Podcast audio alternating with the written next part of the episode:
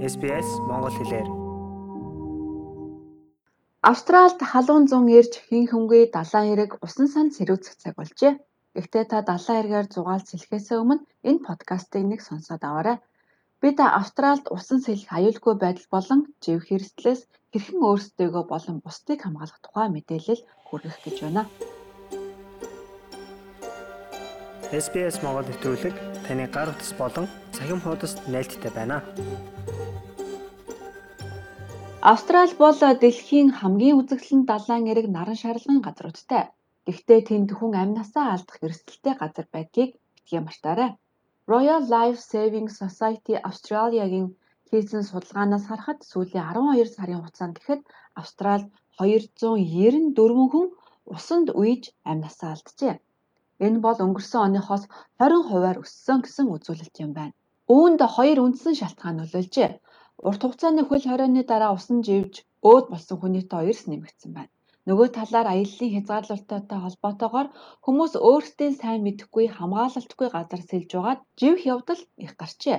Ингэж живж нас барсан хүмүүсийн дотор гадны иргэд буюу далай уснаас хол төрж өссөн хүмүүс олон байгааг энэ судалгаа нотлож байна.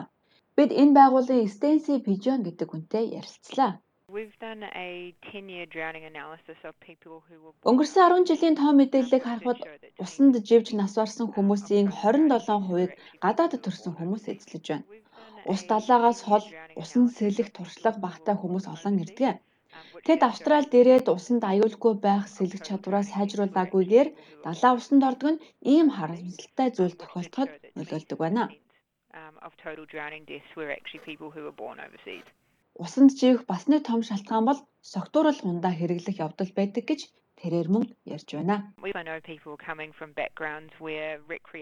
Тухайн хүн хаанаас ирсэн ямар гаралтай усанд хэр сайн сэлдэг зэргээс үл хамааран согтуурал хундаа хэрэглэсэн бүх хүн ийм эрсдэл байдаг. Харамсалтай нь ийм хэрэглээ усанд живж амиа алдаж байгаа нэг том шалтгаан болсоор байна really had the skills or experience to be safe around the water. Сидней хотын Northern Beaches дүүргийн наран шарлагын газрын үйлчилгээний менежер Clayton Rose гэдэг хүнтэй бид ярилцлаа. Тэрээр Австралийн нэгэн алдартай эрэг болох Mainly Surf Beach-ийг хариуцсан ажилтдаг юм байна. Тэрээр усан цэлэх хүн бүхэн зориулсан хамгийн энгийн зөвлөмжийг хүргэж байна. Don't swim unless there's some flags up. Хэрвээ тухайн газар ямар ч туг байхгүй бол хэлсэлээрэй. Бас тугны хооронд сэлэх хэрэгтэй. Энэ нь аюул багтай гэдгийг мартаарай. Иймэрхүү мэдээллийг авч сэлэх чадвараа сайжруулсны дараа далайн усанд ороорой. Ингээд цагийг сайхан өнгөрүүл. Гол нь сэлж сурсан байх ёстой шүү.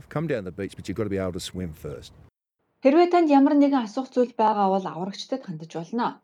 Зарим аюул эрсдлийг интернетээс судлаж мэдэж болно. Гэхдээ хаана сэлж болох, хаана аюултай байдаг зэргийг аврагч нартай уулзаж асууж мэдэж болох юм а.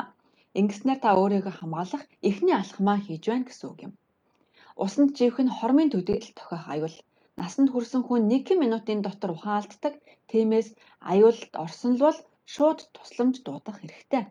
First thing is do not panic because if you panic what happens is you use up a lot of energy Юуны өмнө та хэтэх зочирдож хий сандраарай.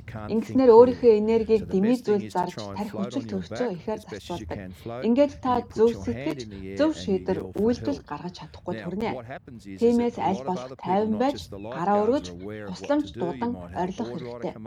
Ямар нэгэн эрсдэлтэй байдалд орсон бол шууд санаа зовлгүйгээр тусламж авах хэрэгтэй.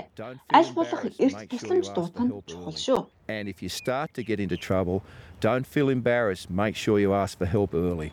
Гадаадын оюутнуудад Австралийн соёл, боловсрол, спортын тухай мэдлэг олгодог Gangnam Style гэдэг хүнтэй бид уулзаж ярилцсан юм а. Зарим шинээр ирсэн хүмүүс Австралийн далайн соёл түүний аюулгүйг сайн мэдэхгүй зарим нь үл тоосноосоо болж эрсдэлд ордог гэж тэрээр ярьж байна. Uh, Би энэ зөвхөн селфи тухай ярьдгүй. Зарим хүмүүс эрсдэлтэй газар очиж зураг авахуулах, селфи хийдэг. Өнгөрсөн онд яг ийм шалтгаанаар нэг хүн усан дунж амнасаа алдсан. Тиймээс наран шарлагын газар явах гэж байгаа хүн бүхэнд алтан дүрмийг сануулъя. Энэ бол эргэлзэж байгаа бол бүүхий. Ялангуяа далайн эрэгт үнийг бодож явах хэрэгтэй. Энэ дүрм рок шефийн буюу хадан дээрээс загасчилдаг хүмүүст ч хамааралтай. Энэ бол Австралийн хамгийн эрсдэлтэй спортын төрөлд тооцогддог. Өндөр давлгаа, нойтон хад, далайн төрлөг гэх мэт нь туршлага багтаа олон загасчдын амийг авч уддаг. Энэ тухай Стенси Бижон ингэж анхааруулж байна. So we do encourage people um, Та загасчлах гэж байгаа бол заавал аврах хантазаа өмсөөрэй гэж бид зөвлөдгөө. Завин дээрээс ч хадан дээрээс ч байсан аврах хантазаа заавал өмсөөрэй. Хизээ аюул тохиохыг хэн ч хэлж мэдэхгүй шүү дээ. Сайн дурын далайн эргийн аврагчийн ажил зарим хүнд мөрөөдлийн ажил шиг харагддаг. Хамгийн үзэсгэлэнт далайн эрэг наран шарлагын газарт бусдад туслахын сайхан ч маш их эрсдэлтэй бас олон удаагийн сургалтанд суух хэрэгтэй байдаг. Та хаанаас ч ирсэн ийм ажил хийх боломж байдаг юм байна.